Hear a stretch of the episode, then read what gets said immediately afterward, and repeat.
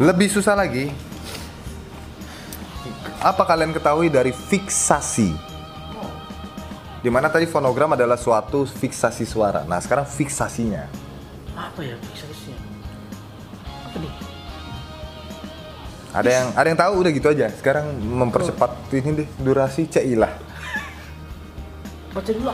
Fiksasi hasil suara. Mungkin eh, para pendengar podcast Atau juga bisa audio. sekalian searching-searching hasil audio Hasil audio. Atau hasil suara tadi. heeh. Kalau Jerry? Hasil apa? Kalau aku sih ngambilnya apa ya? Skor 3-1. Master kali ya, Bang. Master. Lebih, lebih ke master kali ya. Lebih ke master. Oke. Selesai gitu. Nah, eh, para pendengar bisa menilai sendiri fiksasi adalah perekaman suara yang da- yang dapat didengar. Perekaman gambar atau keduanya yang dapat dilihat, didengar, digandakan atau dikomunikasikan melalui perangkat apa pun. Jawaban yang lebih mendekati jawaban. Rudy. Skor 3-2. Oke, lanjut. Pertanyaan ke-8. Paling susah ini. Ini pertanyaan cuma 10 sih. Pertanyaan ke-8. Aduh, jangan sampai kalah tuh. Apa yang Anda ketahui tentang royalty? Aduh, menang nih Rudi. Kalau di platform YouTube mungkin uh, monetisasi atau Iya. man- monetize atau ya yang yang mengeluarkan adalah Google AdSense. Nah, ini royalty. Gue udah kasih clue tadi tuh. Contohnya kayak gitu-gitu di platform YouTube. Royalty, apa Kayak- itu Kayaknya royalty? tadi YouTube gua kena dapat royalti. Wih, mantap. Beli-beli gorengan dah. Isi berapa aja? 70. Promo laku. Beli subscribernya 70. Pengen dapat AdSense monetisasi ya, bodoh amat. Kalau dari aku sih, Ah, ah. Apa itu? tapi ini nggak tahu ya salah apa benar. Iya udah, nggak apa-apa. Nggak nggak ada hadiahnya sih. Itu Ah. hasil pembagian di mana waktu kita memakai lagu si pencipta pencipta Hmm. soalnya kan ah, oh, kalau royalti ini ada pembagian untuk produsernya ada pembagian untuk artisnya juga Mhm. atau eh, ya hanya itu doang sih tahu pun hanya pembagian Pembagian. Iya, pembagian Oke, pembagian. hasil pembagian gitu Dalam berupa Dalam uang Oke, dong. oke, berupa contohnya uang. Kalau Jerry, oke. Karo eh Karo. Karo lagi. Karo. Karo kowe. Kalau aku sih kalau ngambil kalau pengertian royalti sih hasil eh masa lu nggak tahu lu penyanyi Mhm. lu yang nada tangan kalau ro- royalti itu eh nggak ada apa ya? mau 10, 9, royalti 8. itu hasil dari hak cipta yang izin eh, misalnya kita izin lagu lah nah, padahal ada royaltinya kan itu dibagi lah maksudnya gitu royalti sih aku ngambil gitu sih Oke. Cukup? Jawaban yang benar sesuai undang-undang. kita sudah undang ini ya bang Oh iya. iya. royalti itu sesuai undang-undang. Ini kita membuat podcast itu, Bragiri Podcast itu yang berkualitas. Hmm. Di mana ada undang-undang kita bikin pertanyaan aja bukan yang nyeleneh-nyeleneh, sesuai dengan undang-undang di mana tempat kita bekerja itu memakai undang-undang itu.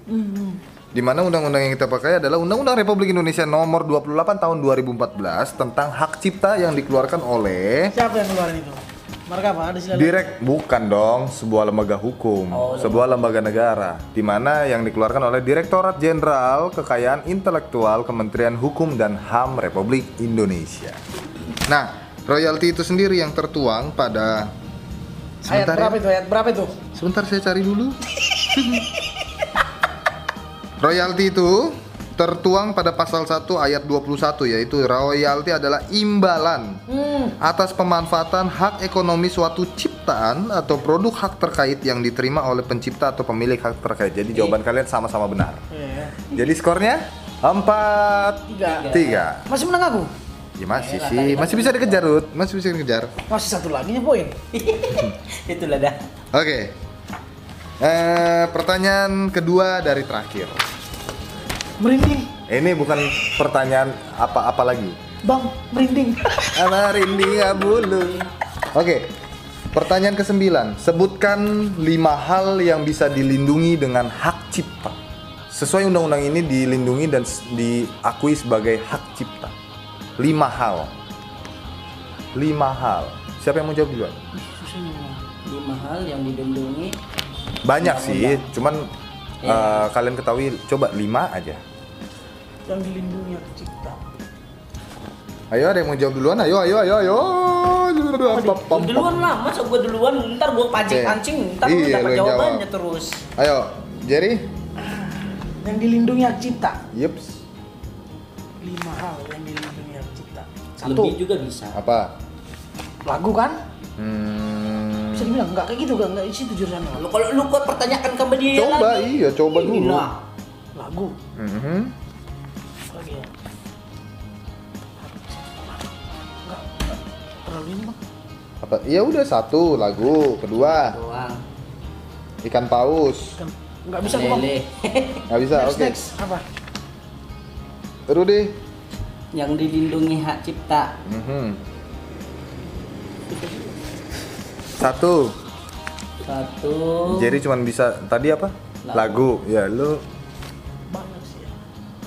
yang dilindungi hak cipta itu. hal apa saja yang dilindungi oleh hak cipta dan dilin- eh dilindungi undang-undang dan disebut sebagai hak cipta atau Ya, ya tadi royalti juga dilindungi. eh, satu Royalti royalti dilindungi. Terus 10 master master, lagu. master lagu udah dua iya. royalti master lagu tetot nggak oke lah ya. pada nyerah Nyerah susah nih. Ah, Susah. Sebentar ya.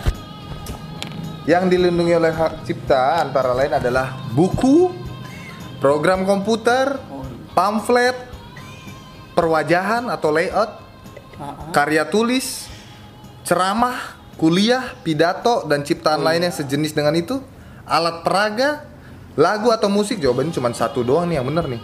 Lagu atau musik dengan atau tanpa teks. Drama, drama musikal, tari, koreografi, perwayangan, pantomim, seni rupa, arsitektur, peta, seni batik, fotografi, terjemahan, tafsiran, saduran, bunga rampai Foto juga bang ada hak Iya. cipta. ada hak ciptanya dan memang foto itu sekarang mungkin lagi digodok atau memang sudah ada kali ya yang benar-benar secara khususnya foto itu nggak bisa kita download secara sembarang gitu Atau gambar gitu ya. Bahkan kalau mereka-mereka yang fotografer terkenal itu memang mereka sudah uh, ngurus sih hak patennya dia atas foto yang dia ambil Oh iya. tapi ngurus itu memang banyak suatu langkah-langkah atau Tapi banyak dapat duit dari situ. Bukan bukan duitnya. Jadi kalau seandainya kita pakai itu baru bisa dapat royalti itu sendiri. Kalau kita pakai. Oke pertanyaan terakhir. Apa ini? sebutkan. Satu saja. Sebutkan satu atau bisa kalau kalau bisa lebih dua ini bisa skornya bisa lebih mengalahkan ya. Jadi kalau jawabannya lebih banyak dia bakal mendapatkan skor itu. Cuman kalau jawabannya sama-sama satu ya sudah. Selesai permainan. selesai permainan. Skor 4-3 nah sebutkan eh, satu atau lebih Iya. lembaga manajemen kolektif yang ada di Indonesia siapa yang mau jawab duluan Itu berperan apa ya?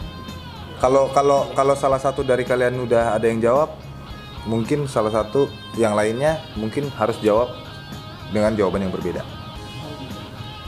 Apa ini?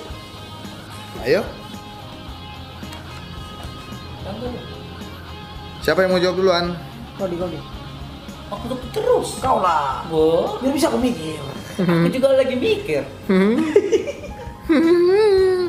Lo bisa searching?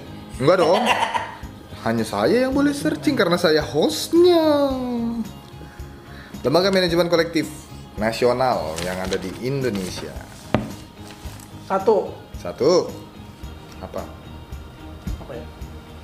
Tapi kalau salah nggak apa-apa nih kan? Iya, kan nanti ngitung ngomong salahnya.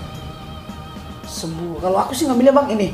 Apa? Eh, lembaga manajemen kan. Mhm. Sebuah program. Satu program televisi lah. Mhm, Baru satu. sama eh, sebuah label musik lah. Label Hmm. musik. Apa lagi?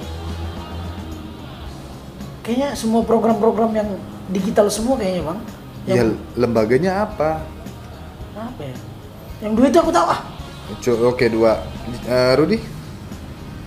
Nama lembaganya yang dibilangkan? Iya. Dia ke program. Ya itu jawabannya dia.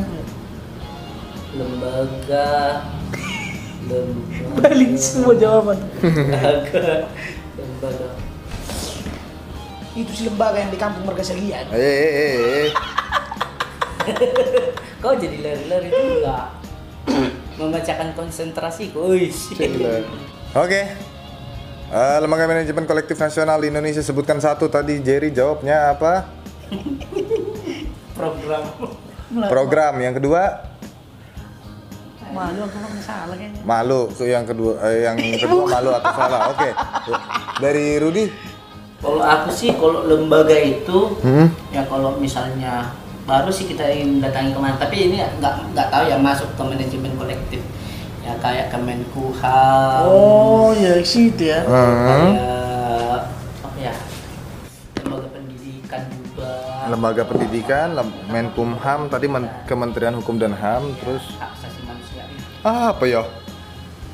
Ya, ya. kayaknya cuma sih Oke. Apa itu? Tatat, selesai apa bagaimana? Oke, selesai. Jadi Susah nih jawaban nih. Apa pertanyaan lu? Ya, tapi kan ini pengertian atau sebuah eh, apa namanya Kalau ilmu mau- juga Kalau di mana mau bertanya, belajar dulu dong kami suruh bang. kasih kisi-kisi. Ya kalian ngeles aja sendiri. kayak di sekolah dong kasih kisi-kisi. Ngeles aja sendiri. Oke lembaga manajemen kolektif dari jawaban-jawaban kalian tadi mungkin Salah ya. Si kalau dibilang Menkumham itu sebuah kementerian atau sebuah eh, lembaga negara. Oh negara ya bukan manajemen. Men- apa tadi Kementerian Pendidikan juga lembaga negara itu.